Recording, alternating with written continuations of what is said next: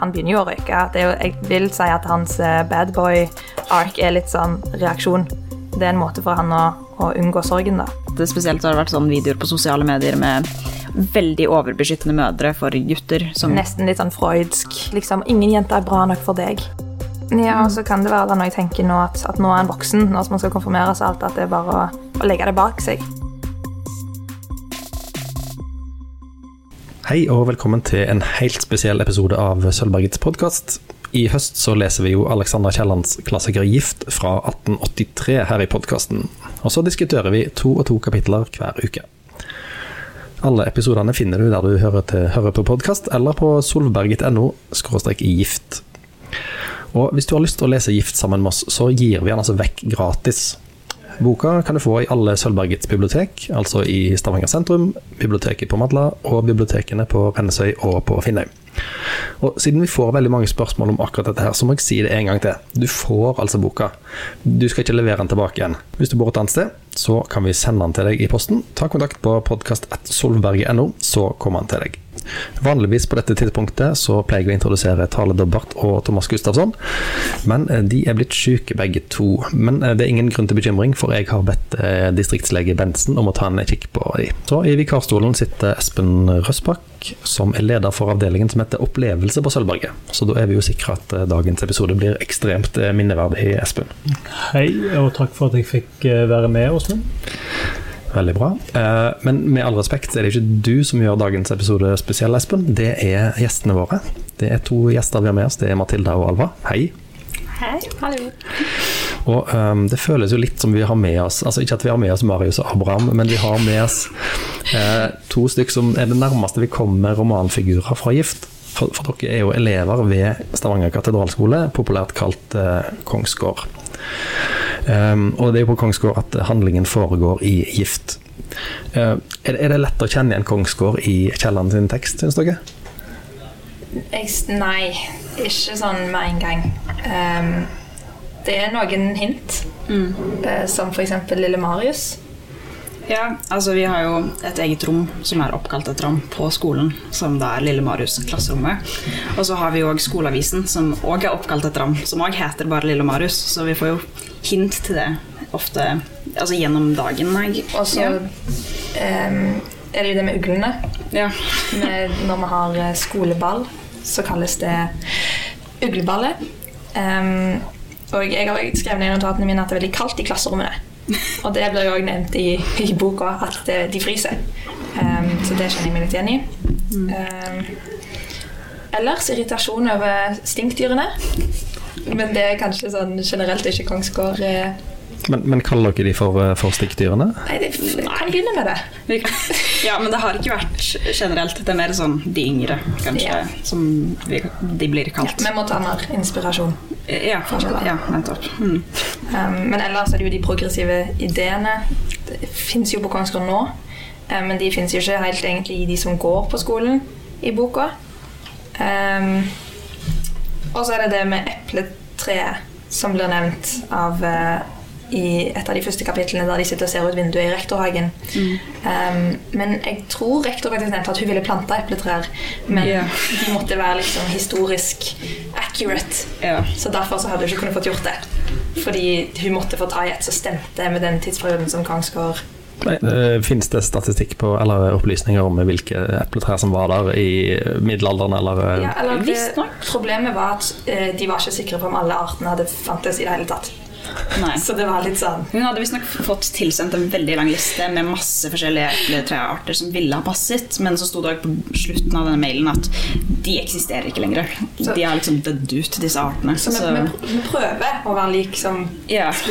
litt som stivt mm. gift, men, uh, ja. men, men er det en skole hvor um, lærerne òg kjenner på arven fra kjelleren? Altså i den forstand at de vil jeg skal iallfall ikke være så kjip som disse latinlærerne og mattelærerne i boka. At de, at de har på en måte en sperre mot å, å, å, å gå i de fotsporene. Altså, Jeg syns jo vi har veldig veldig greie lærere. Så, men jeg vet ikke om de aktivt er klar over at det er det de prøver å ikke være sånn. Vel, det virker som de verdsetter læringen og læringslyst ja. over sånn puggeprøver, og ja. eh, at de ser mer på eh, vårt ønske om å lære og verdsetter mer det enn enn at vi faktisk kan tallene, på en måte, eller navnene eller datoene. Ja. At vi heller kan liksom, forløpet eller årsak-virkning, eller mer hvordan det hele henger sammen, Ja. hvis det er mening. Ja. Du, Espen? du nevnte at det, er, at det er mye progressive ideer på Kongsgård. Eller, hva, hva er progressivt eh, i dag på Kongsgård? Vel, de fleste mener jo at det er mye SV og Rødt. Nettopp. Mye litt eh, kommunistisk, kanskje. Ja, jo, det, det er vel det det går i. Ganske Um, mye. Og så har det jo vært en veldig jentedominert skole. Mm. Um, så det Og jenter er mer progressive, er det du, som ligger under, du antyder? Nei, men det tvinger de få guttene som er der, til å delta i um, våre diskusjoner. Spesielt når det kommer til sånn, kvinners, kvinners rettigheter og sånn, som de kanskje unngår hvis de går på en mer eh, balansert skole. Ja. Eh, og Espen, du er jo eh, leder for eh, en avdeling på Sølvberget som jo gjør deg til sånn klassisk Kongsgård-materiale i din bakgrunn. Men, men dette stemmer faktisk ikke. Du har ikke gått på Kongsgård. Hvor var det det gikk alt for deg? Ah, ja, nei, si det. Jeg gikk på St. Olav. Ehm, og eh, det kan man Jeg var veldig mye med folk på Kongsgård, så sånn eh, i ettertid så burde jeg kanskje gått der. Men dette var mitt lille opprør, faktisk. Det å ikke søke seg til Kongsgård mot min norsklærer Gustav Renberg, altså onkelen til eh, Tore Renberg. Er det faktisk han død nå, dessverre, for ikke mange år siden. Men han sa at Kongsgård er den eneste skolen det er bitte litt ånd igjen i veggene. Det er bare lite grann igjen i steinveggene på Kongsgård. Så dit må du søke. Espen, jeg var god i norsk og sikkert en slags favorittelev. da. Så da i opprør mot, eh, mot, eh, mot Gustav Renberg, norsklæreren min, så søkte jeg heller til gamle handelsgymnaset St. Olav. da. Men hvorfor måtte du gjøre opprør? Du hørte ut som du var, at han var veldig glad i deg, og det var sikkert gjensidig at du likte han òg? Det er dette med forventningene, sant? som òg eh, Abraham føler på i de, de kapitlene som vi sikkert skal gjennom snart i dag. At eh, jeg kjente på det at forventningene til meg, det var da eh, dette at jeg skulle eh, eh, skrive, fortsette å skrive flotte stiler og være så forferdelig reflektert og alle disse verdiene her. Og da tenkte jeg nei, du, vet du hva, nå skal ikke jeg gå rett inn i denne forventningsfella og bli akkurat sånn som alle tror jeg skal bli. En sånn, eh, men så ble jeg jo sånn, da. Så, Ja, det, det, du sitter jo her i dag Gustav som, eh. Du sitter jo her som mellomleder på Sølvberget i dag, og det, du er jo ikke blitt eh, kjemiingeniør. Jeg har ikke blitt det jeg skulle blitt det. Så jeg håper jo da jeg ser jo hos min sønn Tora på åtte år, så ser jeg jo tendenser òg til liksom mattetalent og den type ting. Så jeg håper jo at eh, han drar i den retningen. Du vil ikke ønske et så grusomt liv som du har for din sønn? Så jeg ønsker meg jo øh, barn og unge som øh, øh, som bidrar med håndfast, konkrete ting til å, til å redde verden. Er det ikke sånn? Og det er ikke nødvendigvis litteraturvitenskapen. da. Ok, men uh, jeg tar dette som en åpen jobbsøknad fra deg til, til Forus sine industriklynger. At uh, du, uh, hvis de trenger en uh, Jeg tror det er for seint, dessverre. Masteroppgaven min handler om bruken av anførselstegn i dagboken til Vitol Gombrovic. Så der har du ekspertisen. vi, vi skal legge link til Vitol Gombrovic sine bøker i episodebeskrivelsen for de som nå ble veldig nysgjerrig på særlig anførselstegnbruken eh, i hans tekster. Men eh, vi må gå videre til det som er dagens eh, økt, nemlig kapittel 9 og 10 av eh, Gift. Eh, på dette tidspunktet i episodene pleier jo å tale og, og fortelle hva som har skjedd siden sist, så mm, jeg gjør det siden Tale ligger hjemme og er syk. Eh, I kapittel 9 så diskuterer Abrahams foreldre, Karsten og Wenche, om Abraham bør konfirmere seg. Wenche mener at de alltid har vært enige om at Abraham ikke skal konfirmeres. Karsten vil at Abraham skal velge sjøl, kanskje får de igjen vite at Karsten bare liker å følge strømmen, og det stemmer jo. Abraham eh, begynner å glemme og fortrenge minnet om eh, lille Marius, og syns det er litt ubehagelig at Marius sin mor fortsatt vil ha kontakt med han. Og så har vi Mortmann. Han erklærer sin kjærlighet til Wenche, som på sin side vil hindre at forholdet kommer ut av kontroll. Og så i kapittel 10 blir vi med inn i konfirmasjonsundervisningen til prosten Sparre.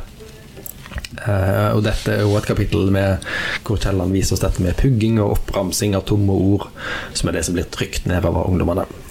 Og Abraham er da blitt eh, en del av de kule guttene i latinklassen og har fått smaken på røyking og kortspill og jenter. Eh, og kapittelet avsluttes da med en cliffhanger, nemlig at Wenche er gravid. Da, da, da.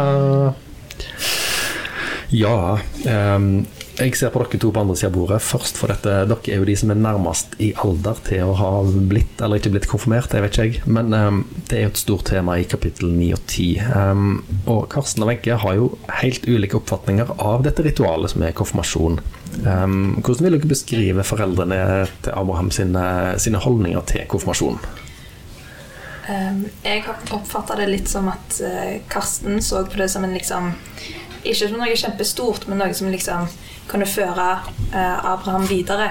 Og så at han så seinere kunne ta et valg om han vil forbli kristen eller ikke. At det er sånn som alle gjør. og um, dette skal du gjennom, liksom. Mens Wenche ser på dette som det første skrittet mot slutten. på en måte. Uh, og hun sier jo direkte sitat at det er porten til løgnen. Hva er det Wenche er så redd for skal skje med Abraham hvis han blir konfirmert? Altså, hun ønsker jo at han skal ta sine egne valg, på en måte. Og hun jeg tror hun er litt redd for at han liksom blir nesten hjernevasket av samfunnet, nesten. Ja, eller blir at, at han eh, ikke er autentisk til seg sjøl. ja. For han vet jo på en måte hva ritualet er. Mm. Men eh, når hun sier så klart og tydelig at hvis du ikke tror på dette, så skal du ikke gjennomføre det. ja. For det er da du begynner å lyve, hvis hvis du skal gjennom hele denne eh, ja, det alvorlige, det grusomste spillfekteri, løgnens fest. Hvis du skal gjennom denne tingen, så må du iallfall tro på det. Ja, for det virker som hun har som en veldig sånn ehm, En hovedsak for henne er at alle skal liksom leve i denne sannheten mot seg selv og ja, mest mot seg selv, egentlig. At ja, skal du gjøre noe, så må du mene det. det. Du kan ikke bare gjøre det fordi alle andre gjør det. det Ja. ja. Mm. Ja, hun mener jo, Det ser jo ut som hun mener også at selve kristendommen, eller institusjonen kristendom, representerer eh, da på en måte kvintessensen av det som er galt i det borgerlige samfunnet. Eh, og at for henne så er konfirmasjonen et symbol på da inntreden i dette. Og inntreden i voksenverden heter det jo fremdeles at konfirmasjonen er. Men denne voksenverden for, eh, for eh, fru Løvdahl er jo en verden som er prega grunnleggende av falskhet. Eh, Ja, men Hun sier jo at hun er ikke sånn sett imot konfirmasjon, at han skal konfirmeres, så lenge han står i det fullt og helt. Men så sier hun jo òg at ja, men hun vil ikke egentlig han skal konfirmeres, for hun mener han er for ung til å ta dette store valget. Men uh, hun, det står òg at hun sliter med egen tro, så jeg tror ikke hun er Er hun helt ukristen, er det sånn, eller? Det, var, altså, det tror jeg vi har litt sånn vanskelig med å forestille oss, fordi det var jo på denne tida òg man kanskje fikk en, et annet begrep av dette med å være personlig kristen enn det man hadde før. Personlig kristen er jo et relativt moderne begrep, som Kielland da leker litt med her. Å velge sin egen tro. Og om det, om det var altså, altså, eh, Før 1800-tallet så var jo det omtrent et ikke-eksisterende begrep. Da, da var man del av det systemet, det religiøse systemet, og det var på en måte alle var kristne. Eh, Sånn har i hvert fall jeg lært historien. Eh, Akkurat når dette med personlig kristen kom opp, det vet jeg ikke, men det, det, jeg vil, dette er en del av diskusjonen i kapitlet. Er det mulig å leve et så autentisk liv som Wenche her er en forsvarer av? Altså, jeg, eh, det, vi er jo veldig glade, vi som lever i dag, eh, i, eh, i Wenche sine holdninger i forhold til eh, Karsten. For Karsten er jo en, eh, en ål som bare gjør det han må og har ingen ryggrad osv. Men, men, men det er jo et himla slit å alltid skulle gå 100 inn for overbevisningene sine. Vi gjør jo veldig mange ting som bare Ja, ja, men det ar, Jeg må vel, må vel kjøpe det juletreet, da. Jeg må vel eh, kjøpe en snop til halloween. Jeg må jo eh, eh, Altså, jeg er jo kanskje imot juletre, men jeg orker ikke å liksom, stå i den kampen. Og jeg syns kanskje det er idiotisk at vi har adoptert halloween, men, men drit i, da. Altså, det, det er jo ganske kostbart å skulle leve etter prinsippene sine hele veien. Så, så kan, vi gi, kan vi gi Karsten litt slack her, for at han eh, bare, bare eh, ikke har dette inderlige forhold til personlig gudstro som, som Wenche har, og bare sier ja, det er noe greier vi holder på med for, som en overgangsrite. Go ahead. Ja, absolutt. Jeg tror begge vil jo det beste for barnet sitt. Eh, Men Karsten sier at det å ikke la han konfirmeres vil være, på mange måter være til plage og hindring i livet hans. Og det stemmer jo. Eh, og så står det jo at presten sier senere at det er vanskelig å få jobb, eller nesten umulig å få jobb hvis du ikke er konfirmert. Og det står jo om hvordan folk snakker om at Wenche aldri er i kirka. Eh, så jeg tror at han egentlig er mer realistisk enn hun når det kommer til hvordan det går med de som nekter å ta del i samfunnet, da, på en måte. Ta del i eh, det generelle eh, Det som er vanlig å gjøre. Skikk og bruk. Ja, for, for uh, i beskrivelsen av um, uh, konfirmasjonsundervisningen og, og hvordan han med prosten Sparre tenker, så syns jeg òg at det, det skinner gjennom at han òg vet liksom at ja, ja, vi holder på med de greiene her, men uh, målet er at folk skal komme, komme gjennom. Men eh, det er ikke liksom at de skal bli djupt religiøst engasjerte av det. Så alle er på en måte enige i at konfirmasjonen er et opplegg vi, vi har, men alle utenom Wenche, da. For hun, hun, hun går veldig inn i hele greiene. Og det, det er jo nok ganske radikalt, vil jeg tro. Dette er et utrolig radikalt standpunkt på den tida denne romanen eh, er, er satt. Eh, eh, Så jeg, jeg tror ikke vi er i stand til å forstå egentlig hvordan dette ble oppfatta i romanen sin samtid som et, som, en, som et ekstremt radikalt synspunkt av Wenche Løvdahl. Men til det spørsmålet du hadde i stad, med det autentiske. Eh, er det i det hele tatt mulig å, å, å, å leve autentisk, spurte du, eller et eller annet sånt? Og, svaret er vel sannsynligvis i, i vil vi jo tenke i dag at svaret egentlig er nei. Eh, Hva, og de, de, dette og, eh, reflekterer jo romanen over her. Når det er snakk om muligheten for at Abraham kan ta dette frie valget om å konfirmeres. Sannsynligvis så er ikke det valget så fritt som eh, som det burde da, For han er jo allerede eh, prega av eh, systemet, av oppveksten, av tidligere valg. Han er vikla inn i dette nettet. Og det forstår vi jo på en måte når vi tenker oss om i dag, at det er vi jo alle sammen. Så denne autentisiteten er jo vanskelig å oppnå, kanskje et uoppnåelig mål. Eh, Så dette idealet til Wenche det er jo veldig romantisk og står i motstrid til både den tidas tendens og, og de fleste tiders tendenser. da. Mm. Eh, I forlengelsen av denne lesningen så fant jeg ei bok som ser forferdelig trist ut, men den var veldig bra. Det i, den fins i, eh, i underetasjen nummer to på Sølvberget, U2. Den heter 'Konfirmasjonen i går og i dag'. Den ble gitt ut i 1986, for da var det eh, Jeg har ikke matte i hovedfag, så jeg vet ikke helt, men jeg tror det var 250 år siden konfirmasjonen ble innført i Norge. Uh, og Der har de bl.a. Uh, en fin gjennomgang av konfirmasjonen som tema i norsk skjønnlitteratur, bl.a. gift. da. Um, og, og det står òg mye om dette med, som du sier, Espen, med eh, at vi har vanskelig for, for å forstå i dag hvor stort skille det var. da. For, for eh, i Gift så får vi jo eh, innblikk i en skolehverdag hvor eh, det går elever av veldig ulik alder, de har veldig ulik bakgrunn. Det fantes jo selvfølgelig ikke noe sånn eh, lånekasse eller eh, adgang til utdanning sånn som vi har i dag. Eh, så det å bli konfirmert var på en måte den ene sånn grensestolpen mellom barn og voksen. Altså, når du var konfirmert, så hadde du rettigheter til mye, masse nye greier. Du kunne søke deg jobb osv. På bygdene drev de med noe som heter dette var veldig gøy å lese om, nattefrieri. Som var at hvis du var konfirmert, så hadde de konfirmerte guttene lov til å reke rundt på bygda på, på kveldstid og, og gå og oppsøke sånne stabbur hvor eh, sånne jenter i samme alder eh, bodde. For det var veldig få kontaktpunkter mellom kjønnene den gang. Sant? Det var jo atskilte verdener. Mens var du konfirmert, så kunne du liksom bevåge deg litt utpå, da. Så det var på en måte en sånn enorm Det var på en måte en, en grenseåpner til arbeidsliv, til, til eh, kjærlighetsliv, til alt mulig. Så, så da skal du være ganske tøff for å si at nei, eh, ingen konfirmasjon på deg. Ja, eller forvente at, at gutten sin vil ofre det for å være sann til seg sjøl. Det, er ikke- det er ikke så mange tenåringsgutter nå til dags som går rundt og tenker at det er mitt mål i, i livet å være sann til meg sjøl. Det er vel andre ting som heller um, virker viktigere i tenåringsalderen, i alle fall. Nå, men når dere skulle bli konfirmert, eh, eller ikke ble konfirmert, var det, eh, hvordan går de diskusjonene blant eh, dagens eh, tenåringer? Snakker dere om det religiøse ved det, eller er det ureligiøse, eller eh, er det pengene eller selskapet, eller? Altså I mine sirkler så var det vel mer kanskje om selskapet og pengene. Det var veldig lite om det religiøse. Jeg tror vi kanskje hadde litt sånn 50-50 med hvem som valgte å ha borgerlig eller kristen konfirmasjon. Jeg personlig valgte å ikke ta det i det hele tatt, så jeg vet ikke helt hvordan det faktisk var under undervisningen. Men ja, nei, jeg følte ikke at det var veldig mye på det religiøse, og de som tok kristent, tror jeg ikke heller snakket veldig mye om det kristne med det. Det var mer fordi å ja, foreldrene mine sa dette, så da sa jeg det der, f.eks. Det, ja. Ja, det, jeg gikk på en ganske liten ungdomsskole eh, litt utenfor bygda.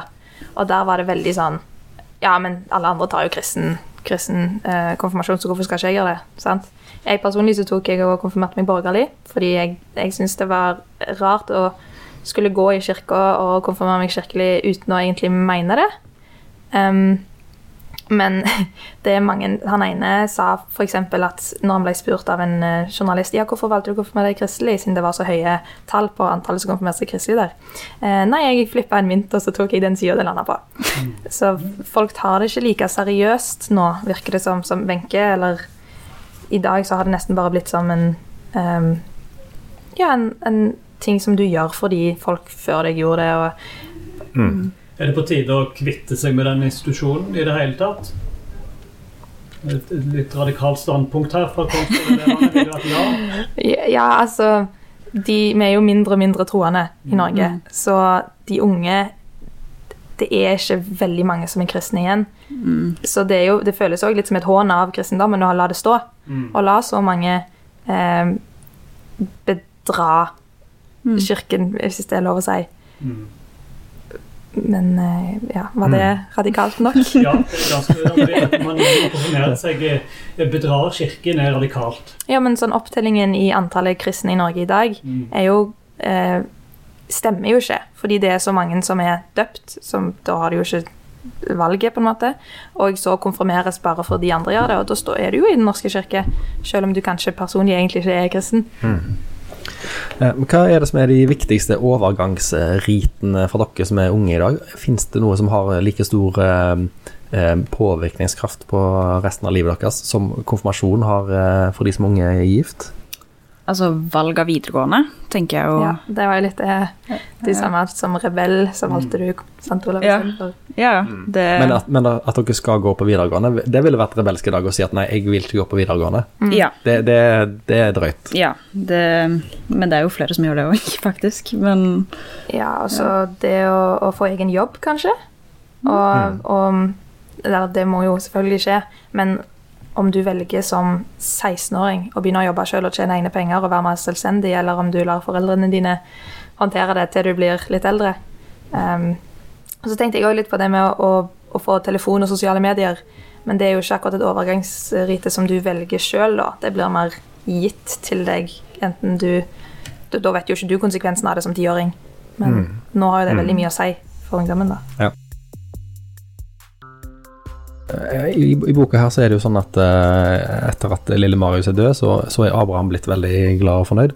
Uh, han er blitt kompis med, med denne duksen, altså den flinkeste i klassen. Har dere en dukseplass forresten i klassen? Uh, det kan sies at de som sitter foran, er mer engasjert enn andre. Men enda mer, har dere en fukseplass hvor liksom idioten sitter på en fast plass i klasserommet? nei, det ville jeg ikke sagt. Jeg tror vi Altså Nei, nei, det er egentlig ikke noen som faller bak. Men jeg, jeg kjenner meg ikke helt igjen med det som står i boka, med at det er radar med liksom de smarteste, så de mindre smarte, og så de Nei. minst smarte. For nå er jo Kongsgården skole der det er mest begava elever, eller de som liker skole. Det har jo en, eh, et rykte for å være litt nerdete. Ja.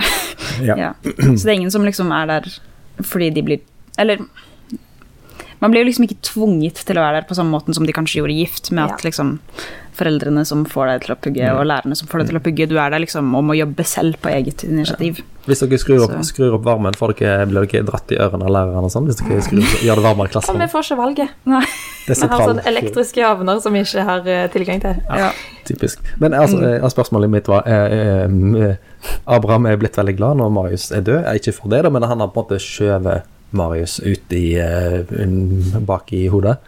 Um, hva syns dere om den vendingen eh, Abraham tar eh, som, som personlighetsmessig i, i de kapitlene vi har lest nå? Jeg syns det var litt skummelt. Ja, jeg, det er skummelt, ja, for det, at han har blitt glad, det syns jeg blir en vranglesing. For altså, han- det, han virker jo helt fremmedgjort. Helt, altså Det er kanskje en naturlig liksom, vei, måte å bli voksen på det òg, og bli mer avstumpa og fremmedgjort, men han beskrives på en måte mye mer sånn Eh, som litt sånn fjerna fra seg sjøl. Litt apatisk. Litt apatisk, ja. Eh, Ja, ja, det er kanskje bedre med han, og når han, han har jo noen passiarer med fru Gottwald, altså mm. mor til lille Marius. Hun skjenker han jo med portvin og gir en sånn smørkake. Uff, ja. Kommer tilbake og tilbake og sitter der og drikker denne portvinen. Og han blir ikke så inngående skildra, men du får liksom inntrykk av en viss apati. Ja. Det er litt sku enig. Ja, det er kanskje glad feil. Kanskje han er blitt mer eh, avstumpa, eller på en måte prøver å holde ting på avstand for at han ikke vil eh, ta inn eh, den sorgen. Ja, og så kan det være da når jeg tenker nå at, at nå er han voksen, nå som han skal konfirmere seg alt, at det er bare å å legge det bak seg. At det er det med at han skal ikke være følsom, eller når han liksom Mm. Det er sånn som skjer. Litt Er, er dette en, et eh, bilde på det å bli voksen som dere har uh, hatt uh, når dere nå begynner å bli voksne? At dere voksne folk de, de, de har mindre følelser, de, de, uh, de dealer med ting, på en måte? De, de legger ting bak seg?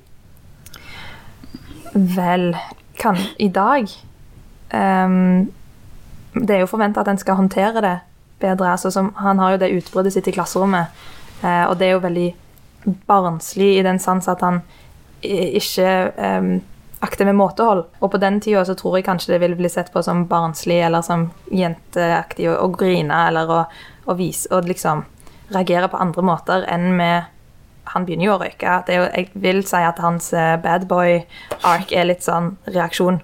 Det er en måte for han å, å unngå sorgen, da. Mm. Ja, enig. For- Og det blir bare antyda. At, eh, at, eh, og det der opprørske i han, det har nok de bare fortrengt litt. Grann. Dette antyder i hvert fall fortellerstemmen eh, for, eh, i, i boka. At eh, det opprørske spirer der, og kommer kanskje til å slå ut på en, en mer brutal måte enn om de hadde håndtert det litt mer pedagogisk når han først hadde det utbruddet. Ja. Det er jo det, det er veldig deilig å bare ikke bry seg, og bare, tenk, bare flyte med. Ja, jeg skal gjøre sånn som pappa vil. Ja, jeg skal ikke tenke på Marius. eh, Jeg skal sitte med han duksen og Altså, det er jo veldig, en veldig behagelig reaksjon han har på, på den sorgen. Ikke, ikke at det er bærekraftig i lengden, men det, det er fort gjort at en, at en kommer dit sjøl, hvis en opplever noe kjipt. At en bare liksom åh, jeg orker ikke å, å kjenne på alle disse følelsene. Jeg bare gjør det jeg har lyst til. Ja, han får jo sånn sett mer venner og eh, blir eh, kommer på topp, eller ant i lista av de beste i klassen. og Det går jo egentlig bra med han, ser det ut som. Og da, det gir oss, jo oss litt sånn OK, pust ut. Det gikk ikke så bra med Marius, men Abraham klarer seg iallfall. Men samtidig så er det jo noe litt umenneskelig med det at, at det går så bra. Ja. At vi føler på at det mangler en, en følelse eller en, eh, en reaksjon som ikke er den her unnvikelsen. og Han, han blir òg mindre autentisk, føler jeg. Jeg vet ikke om det er pga. Marius, men at han er så gullgutt med presten og i klassen, mens eh, kjemperebell blant vennene sine. Det nevnes jo disse karikaturene han tegner, eh, som ingen tror er han, fordi han er jo så perfekt. Men er det, det er jo ofte sånn at de som er veldig snille på en arena, er veldig eh, rebelske på en annen. At det er ingen som er døgnet rundt bare snill eller bare eh, kjip. Men det må være gullgutt. Han, altså han er gullgutt med prosten Sparre, som vi ikke har vært inne på ennå. Men han er jo en interessant karakter her òg i kapittel er det nummer ti. Antag- Sannsynligvis så kommer prosten Sparre inn, han som underviser til konfirmasjonen. Men der får jo Abraham tilbake en slags voksen person. For da har han blitt svikta av både sin far, grunnleggende, gjennom hele oppveksten, som en fraværende eh, far, en del av etablissementet, sant? Og, og nå òg av sin mor, som har alltid vært så omsorgsfull, men i det siste har blitt veldig fjern, og kanskje i ferd med også på en måte at idealene hennes er i ferd med å glippe. Eh, man kan, du kan se for deg Wenche Løvdahl med litt tommere blikk sant, i disse kapitlene, fordi ting er i ferd med å liksom, gå i oppløsning. Og så finner han i, i Posten spare en voksen person, tenker jeg. Så jeg, jeg tenker ikke det er bare smiger, jeg tenker òg at det er at han får en, en tilknytning der. Og verdiene til Posten Sparre, Sparre, Sparre er jo òg dette her med at han, han vil jo gjerne ha gjennom eh, disse her konfirmantene. De andre prestene i distriktet de prøver de så hardt at da står det ikke til konfirmasjonen, og så må de prøve igjen og gå opp til konfirmasjonen år etter år. Også helt ukjent i dag. sant? Men Posten eh, Sparre han, han har en strategi der han finner akkurat det partiet som hver enkelt eh, liksom, eh, vanligvis helt eh, talentløse unge har pugga. Og det er den han hører det i når det er eh, liksom, dagen for å bli hørt i, eh, i katekismen. Og så Han har jo en, en sånn radikalisme, han da, Posten Sparre. Så kanskje, kanskje Abraham ser litt av sin mor og litt av, denne, litt av den der liberale i prosten. Ja, jeg tenkte jo når jeg leste de sidene der, at eh, nærmeste sammenligning min var oppkjøring i dag. At det, er veldig lange køer for oppkjøring. Kanskje, og hvis du stryker, så må du kanskje ikke vente et år, men du må kanskje vente tre-fire måneder. sant? Det er jo en, et halvt skoleår nesten. Så hvis det hadde fantes en, en, en sparre blant eh, Biltilsynet sine folk i dag, så kunne han tatt med liksom, å, her har vi en dårlig sjåfør, nå skal vi bare kjøre fram og tilbake på den lille veien, og så parkere på en stor åpen plass, og så får han lappen. Det, Det- ja, det- det, det ville vært vært er det, ikke det? Nei, nei, det er en del som stryker. Ja. Men eh, hva syns du, Matilda, om, eh, om Sparre her? Er, er han en eh, bra fyr, eller eh, ser du noe negativt med han? Nei, altså, jeg synes, altså, han virker jo ganske grei med at han finner da de folka som igjen prøver og prøver og prøver og får det ikke til, og faktisk se, altså, har litt medynk med de, og gir de da de stedene han faktisk vet. Men jeg syns jo òg hans forhold med eh, Abraham er jo ganske interessant òg, fordi det virker som han òg får litt glede ut av dette vennskapet, på en måte, med at å, det er en person som faktisk bryr seg her, det er en person som kan dette, um, og som faktisk lærer det seg hvis han eh, Når han har vært liksom vant med disse folka som er liksom de siste som virkelig strever, og så endelig kommer denne veldig veldig flinke personen inn, som er da nummer to i klassen. og Og så er han. Abraham er jo i tillegg ydmyk, syns presten. Eller han ler ikke av de når de som kan minst, gjør feil. Mm. Så det tror jeg også han blir litt sjarmert av at han er liksom ikke sånn hånlig som mange av de andre latinerne. Denne cliffhangeren som er i slutten av kapittel 10 eh, Wenche er da gravid. Altså, eh, nå er jeg jo ikke jeg Jeg har ikke litteraturvitenskap eh, vekttall i det hele tatt, men jeg, jeg leste jeg disse kapitlene litt dårlig? Hva, hvor, jeg, altså, jeg trenger ikke å altså, bli med de inn på soverommet, men hva har skjedd her, liksom? Jeg har jo ikke inntrykk av at, eh, at Karsten og Wenche sover i samme etasje. Og Mortmann, der har det vært noen omfavnelser av noen ord og sånt, men så også er hun gravid. Er det, er det eh, litteraturviter Røsbakk, er det noe med 1800-tallets eh, eh, si ting veldig mellom linjene jeg ikke har skjønt her, eller hva Ja, altså, kan, kanskje, eh, hvis vi skal ta et litteraturvitenskapelig angrep på det spørsmålet, så må det være fordi den allvit, dette er en allvitende forteller vi har, eh, vi har det snakk om her i Gift, som det er i veldig mye av den realistiske litteraturen. Og når blikket da holder seg vekke helt i kapittel 10, eller i ganske stor grad fra hva Wenche Løvdahl holder på med, eh, så kan man tenke at det er fordi den allvitende fortelleren bevisst liksom holder perspektivet unna at det skjer noe i skyggene eh, er, er skjult for det perspektivet eh, vi på en måte følger i det kapitlet. Eh, Det er i hvert fall en mulig, men, men, men det er klart det er ingenting. Det burde være noe her som antyder i større grad at det har skjedd det må ha skjedd et samleie. og det, det er jo ingenting som eh, mellom, altså hvis, dette, hvis, dette, hvis du er gravid med mordmann, eh, så må jo noe sånt ha skjedd. Og det er ikke, det ikke antyda. Samtidig så ville vi aldri i en 1800-tallsroman liksom fått en sånn eh, altså Du ville jo aldri hørt om et bankende lem eller sånne ting. sant? Det, det, det ville jo heller ikke, Så det ville jo vært eh, beskrevet på en mer fordekt måte uansett. For all del, men uh, jeg tenker jo som leser at det er en del av kontrakten at, at, at forfatteren uh, tar meg med i de viktigste tingene. At at ikke holder sånne store ting bare Nei, det skjedde når du en, en annen gang eh, hvor jeg ikke har fortalt om. Det, det blir litt sånn Det er akkurat som i en krim. Da vil jo jeg få hintene som gjør at når det blir skrevet rett ut at det var herr Olsen som drepte herr Nilsen, så tenkte jeg å ja, det burde jeg ha skjønt ut fra det som, står på, det som sto på sidene. Du kan ikke liksom bare trekke ting ut av hatten eh, sånn random. Uh, Syns jeg, da. Men vi har ikke snakket om ennå slutten av kapittel 9, der det er veldig hett sant? mellom uh, Løvdahl og, og Mortmann, altså fr fr eh, fru Løvdahl. Uh, eh, med masse utropstegn, og han sier 'så kom, ta skrittet fullt ut, bli min'. Og riktignok så skjer det ingenting her, men de blir nesten oppdaga. Og så avsluttes kapittel 9 med at uh, Mordmann på en måte de nesten oppdaga at professor eh, Løvdahl har kommet hjem. Eh, De er i stor eh, eh, liksom, De er veldig opphausa begge to. Så kommer han hjem og så sier oi, vi ble nesten oppdaga nå. Dette må jeg, dette må jeg Så står det han tente en sigar og satte seg til å overveie. Og her, Dette er jo nesten et sånn urbilde på kynisme, på forførerens kynisme. da. Nå har han vært litt uforsiktig, men nå overveier han hvordan dette skal skje. Men, men Det òg får meg til å tro at eh, Og så eh, beskrives jo ikke denne forførerens gjerning. da Kanskje det kommer i kapittel 11, jeg vet ikke. Men, men det, det kan det være. Men jeg syns likevel det er en litt for billig løsning. Uh, at, at vi bare får servert at Da var Wenche var gravid. Det, vi- det, det, det er så mye i den scenen nevner med utropstegn og alle disse uh, store replikkene og sånn, men, men samtidig så forteller Kielland oss at men det har ikke skjedd noe mer enn at de har gått til denne streken. Men samtidig, da. Det vil jo være unnskyld nå avbryter men det vil jo nesten være en like stor tragedie hvis du er eh, eh, gravid med sin mann. Eh, For å sette barn nummer to til verden med denne liksom eh, fordummende eh, eh, representanten for, eh, for eh, øvrigheten og stors... Og, og, sant? Eh, for det intellektuelle forfallet i hennes øyne. da. Så at begge deler vil jo være forferdelig tragisk i Wenche Løvdahls blikk. Ja. Hva tenker dere om denne graviditeten som vi får servert på siste side her? Vel, det står tidligere at over fru Wenche hadde det forresten i den senere tid vært noe forunderlig, noe nervøst, vekslende, helt fra ordknapp stirring ut i luften til en snakksalighet som var nesten pinlig. Og dette tror Mortmann er fordi hun er forelska i han, eh, men da i siste linje av kapittel 10 så står det jo eh, den nervøse engstelsen hennes var blitt til visshet. Eh, Ah, og det er den graviditeten. så det har skjedd. Men denne første nervøse settingen setningen du leste, mm. er det før denne heite scenen hvor de nesten blir Ja, det er før det står at de møtes nå på kveldene, og okay. at uh, han er enig med alt det hun sier, selv om han egentlig ikke mener det.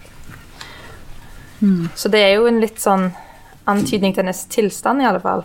Mm. Ja. Men eh, jeg er ikke under, under inntrykk av at det er mordmann bare fordi at hun blir så forskrekka av dette at han tar på henne og dette ky- kysset. Sant? Så det virker jo ikke som om de har gjort noe mer før.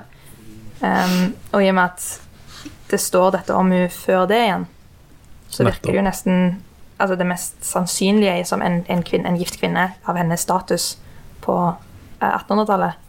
Og så tror jeg ikke heller hun hadde eh, vært villig til å gå fullt ut, for å si det sånn. Altså, hun, jo, hun har jo sine verdier. Og jeg tror hun verdsetter sitt eh, ekteskap ganske høyt. Ja, Eller kanskje institusjonen ekteskap. At hun verdsetter den like høyt som Eller omtrent så høyt som samfunnet forventer av henne. Jeg vet ikke Men så høyt som hun eh, prislover det å være autentisk når det kommer til konfirmasjon, vil jo ikke si det samme med ekteskap. At hun vil ikke ta denne eden hadde det ikke vært på ekte. Stemmer det, men, men det er jo eh, lett å tenke at dette er et kjærlighetsløst ekteskap, og dermed i seg sjøl inautentisk. da. Ja, jeg, Sånn at, eh, og eh, hun, kan, hun kunne jo unnskyldt en affære med Mortmann ganske lett ut fra idealene sine, tenker jeg. ja men, men det tror jeg hun Mer nå mot slutten så står det jo at hun føler seg litt eh, lurt av sin mann. Ja. Med at han har sagt, eller unngått å sagt ting han er uenig med om, sånn at hun ikke Sånn at det ikke kan unngås. Ja. Jeg syns noe av det fine med de kapitlene vi har lest, er jo det kapittel ni. Denne Vi har jo sett eh, ektefellene Wenche og Karsten i samtale før, men, men de har en ganske lang dialog der om konfirmasjonen. Eh, og da syns jeg det kommer godt fram med forskjellen mellom de når, når Wenche sier at eh, vi er jo enige om at han ikke skal konfirmeres. Og så sier eh, Dette er en veldig bra replikk av Karsten. Eh, avtale? Nei, Wenche, det, har det har det aldri vært. Så her kommer forretningsmannen inn. Men liksom, nei, jeg ser ingen ark hvor det står våre signaturer på at dette er en avtale. Vi har kanskje snakket om det, men eh, ja, du tenkte det var en avtale. Jeg tenkte vi bare snakket løst og fast om det. Forferdelig trist, det som tegnes opp her som en sånn eh, eh, eh, kontrast mellom liksom den rasjonelle mannen og den liksom nær hysteriske kvinnen som ikke klarer å holde roen. Og selv om sympatien til fortelleren liksom lenge har ligget hos, eh, hos eh, fru, fru Løvdahl Wenche, så føler jeg òg at her, her fjerner fortelleren seg litt. Sympatien går litt vekk fra, Wenche. Hun, hun, hun klarer jo ikke å stå imot her. Hun blir innhenta av denne her eh, blodfattige rasjonaliteten som mannen representerer. Og, og fortelleren klarer ikke å hente henne opp igjen. Hun blir på en måte òg den litt sånn hysteriske kvinnen som i tillegg har forelska seg utenom utenomektenskapelig. Og jeg ble litt irritert da på Kielland. At han ikke klarer å det, det virker som fortelleren eller Kielland på en måte òg har problemer med den radikale standpunktet. da. Dere har snakket om i tidligere episoder at, eh, at, han, at hun er helten, og at eh, hennes verdier er Kiellands eller fortellerens verdier. Men jeg syns det er ting som tyder på at Kielland er litt mer sånn søker den gylne middelvei. da. Og at det er heller ikke bra med sånn veldig mye radikalisme. Hva syns dere? Ja, altså Forrige gang hun argumenterte for noe så radikalt, så fikk hun jo hjelp fra mordmann til å få sitt poeng fram. Men her blir hun jo stående alene. Eh, og hun sier jo at hun føler at Karsten vrir på alt det hun sier, eh, og tildeler jo også rollen som sånn crazy boy-mom som skal ta alle avgjørelsene til Abraham resten av livet, og kona ingenting vil være bra nok for deg, bla, bla, bla. Og hun blir jo Hun, hun tror jo litt på han. Hun sier jo det at hun, hun, hun Det er et poeng i det han sier. Ja. Boymam, er det et begrep? Ja, Det sånn. har vært litt i det siste, spesielt så har det vært sånne videoer på sosiale medier med veldig overbeskyttende mødre for gutter. Som, Nesten litt sånn freudsk. Liksom, 'Ingen jenter er bra nok for deg', Å, så Ja. du er gullgutten min. Ja, Ja. så Wenche er en tidlig boy-mom. Det kan hende, og at liksom hun vil være en, en litt frekk svigermor kanskje overfor sin søs, Abraham sin Men ja. Men, men jeg tenker på det du sa, Espen. Kan det være at, eh, at Kielland oppnår det han vil, da, når han gjør deg eh, irritert? Altså, han, han, han vil bare vise fram at ja, men sånn er det. Du kan ha så gode idealer du vil. Det vil alltid stå en eller annen mann eh, over deg og, og, og trykke deg ned og få få vridd deg på plass. Liksom. Samfunnet er sånn. Du, du kan stå imot, men strømmen tar deg til slutt. Mm, det er jo et trekk med realismen. Det, altså, det ender jo som regel ikke godt i, i realistiske romaner. Det er Samfunnet og strukturen innhenter deg jo som regel. Eh, og det er jo det, liksom, det, er det som er kritikken går i. Mer å gjøre oss irriterte. Så, sånn sett så har det sin effekt. Ja. For det er jo eh, mye god hersketeknikk eh, i denne samtalen fra Karstens side. Eh, sinne kommer det aldri noe godt ut av. Husk det. Mm. Og så store ord, lille Wenche. Sant? Dere sitter og og vrir dere på stolen. Dere Ja. hører dette. Eh, eh, nå syntes jeg vi snakket så godt og rolig om dette. Ja. Eh, og så syns jeg det er en bra setning eh, Kielland skriver her, eh, hvor han beskriver tankene til Karsten etter at de har diskutert. Foreløpig var han kommet så langt han kunne vente seg. Det er akkurat som man har en slags sånn framdriftsplan for eh, Ok, her har vi problemet med Wenche sin konfirmasjonsholdning. Ok, men vi bryter det ned i delmål, og så skal vi nå komme dit til slutt. Så venter vi til hun roer seg ned, og så tar vi neste stafett. Yes. Så den, den eh, feil leser vil finne mye gode metoder i denne, denne boka. Ja. Ikke Don't do as Karsten. Eh, hvis vi ser framover, hvor er det spenningen ligger her nå? Hva er det vi lurer på for de neste kapitlene i Gift? Vel, Wenche, for det meste. Ja, altså Personlig så syns jeg hun er egentlig den mest interessante karakteren. Fordi hun er så altså det, det, Kompleks. Kompleks, ja. Um, ja. Altså Spesielt med denne graviditeten som kommer ut av nesten ingenting, så er det sånn oi. Jeg, jeg, altså når jeg leste det første gang, så tenkte jeg ikke at ehm, altså 1800-tallsromaner kanskje kom til å si det så tydelig at det var det hun holdt på med. Jo, men og, og hva eh, som skal skje videre. Ja. med. For nå, hun er jo mor til en nesten voksen gutt. ja. Og hun virker jo ikke helt betatt av Karsten. Um, så hva alternativer har hun framover? Eh, Skilsmisse er jo ikke et uh, veldig uh, forlokkende alternativ på denne tida heller. Nei. Eh, Hva med mennene her, da? Altså, eh, Karsten er jo seg sjøl. Han er jo, eh, forandrer seg ikke noe særlig. Men, men er vi interessert i Mortmann sitt uh, fabrikkprosjekt, eller er det liksom utspilt?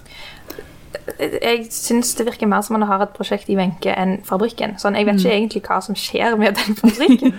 Kjelleren er veldig dårlig på å beskrive hendelser på fabrikk. Ja. Bortsett fra fallende objekter og Det er jo en veldig morsom scene der han, har, der han når hun kommer til fabrikken, så har han stilt seg opp på en stein, og på avstand så ser Wenche at hun gir ordre til arbeiderne. Og ikke får vi vite da at arbeiderne har virkelig klødd seg i hodet og lurer på hva sjefen går opp på en stein og begynner å kommandere og gjøre, for det gjør han selvfølgelig aldri. Han sitter på kontoret sitt, så, mm. så han eh, Mm. Er det sånn dere gjør når det kommer folk fra kommuneledelsen og blir med på omvisning på Sølvberget? Så, så, så stiller du deg opp midt i lokalet og sier 'Lån ut bøker, mine medarbeidere'. Ja, det er nesten sånn. Er sånn at, altså, sånn at jeg har en sønn som er ni år. Han er av og til på, eh, på besøk på biblioteket med klassen og har vært med barnehagen. Og så Han sa en gang til meg Jeg er jo mellomleder da på Sølvberget. Så sa han en gang til meg Espen, hva er det du egentlig Eller pappa, hva er det du egentlig gjør på jobben din? For hver gang jeg er der, så går du bare rundt og observerer. Så det, det Ja, det, var, det er bra, bra ingeniørposering i det kapittelet, ja. Ja, men, ja. Ja, jeg skulle det med hva som vil skje med de. Eh, Med Abraham så virker det litt som han må velge mellom det med å passe inn i samfunnet og det med å være autentisk. Eh, og så er det spesielt det mot, Helt på slutten av kapittel 10 så snakker han med faren sin om en knust rute, og om at han eh, forteller til eh, læreren sin hvem det var som gjorde det. Og så sier faren det er bra, fordi lydighet, ser du, mot sine overordnede er ubetinget et ungt menneskes og en bra borgers aller første plikt og høyeste dyd. ja. Og dette tror jeg vil prege Abraham ja. videre. ja. Jeg syns det var noe av det verste å lese i disse kapitlene her, er måten eh, læreren i dette kapittelet holder på en måte Abraham sin tidligere ulydighet som en slags sånn derre ris bak speilene. Så liksom, Vi har den i bakhånd, så hvis ikke du gjør det vi vil, så, så kan vi komme dragende med denne store store skammen at du opponerte mot denne gutten som nå er død. Ja. Eller er i den saken der. Det, det er liksom voksenoppførsel på sitt verste, tenker jeg, da. Skikkelig sånn maktmisbruk og Ja. Ja. Ja, jeg har noe på deg, og du blir aldri kvitt det, liksom. Men egentlig så er det jo ingen skikkelig karakterutvikling i denne romanen til nå. Man kan jo tenke seg at det er karakterutvikling hos eh, Wenche, men egentlig så er det bare litt sånn, hva heter det på engelsk, heter det unraveling eh, vi er vitne til. Det er jo egentlig ikke noe sånn kompleks karakterutvikling strengt tatt, og eh, en god del av personene er rett og slett bare statiske. Eh, Så, så hva som er spennende, jeg vet ikke. Jeg syns ikke det er noe særlig spenningsmomenter. Jeg forventer at det fortsetter å gå nedover med Wenche, og at resten forblir ganske så statisk. Og at Mm. Abraham havner inn i farens fold. Ja, jeg syns det er gøy at Kielland åpner denne boka med at disse elevene leker eh, heroiske krig i antikken, og så derfra så går det nedover med alle sammen. det er liksom frampek. Nei, dette er ikke et frampek, det er et omvendt frampek. Det er et eh, Ja. Det skal, det skal gå feil vei, gitt. Ja. Ja. Matilda og Alva, veldig kjekt å ha dere med. Tusen takk. Eh, fortsatt eh, deres gode liv på Kongsgård. Og, ja, eh, takk for at vi fikk komme. og så, vil tusen vi, takk. så må dere legge press på ledelsen for, for, for å få disse epletrærne på plass. For vi Ja. vil gjerne Ja, være til stede på avdukingen og sånt, og kanskje stjele et par eplene når de er klare. Espen, du får eh, gå tilbake til litt eh, mellomlederkammer, og eh, takk for at du var med. Ja. Hvis eh, distrikt, distriktslege Bentsen ikke får, får eh, gjort våre faste medlemmer friske, så, så må du tilbake neste uke òg. Du er klar for det? Jeg er klar skal lese i hvert fall kapittel 11 og 12. Nydelig. Vi snakkes.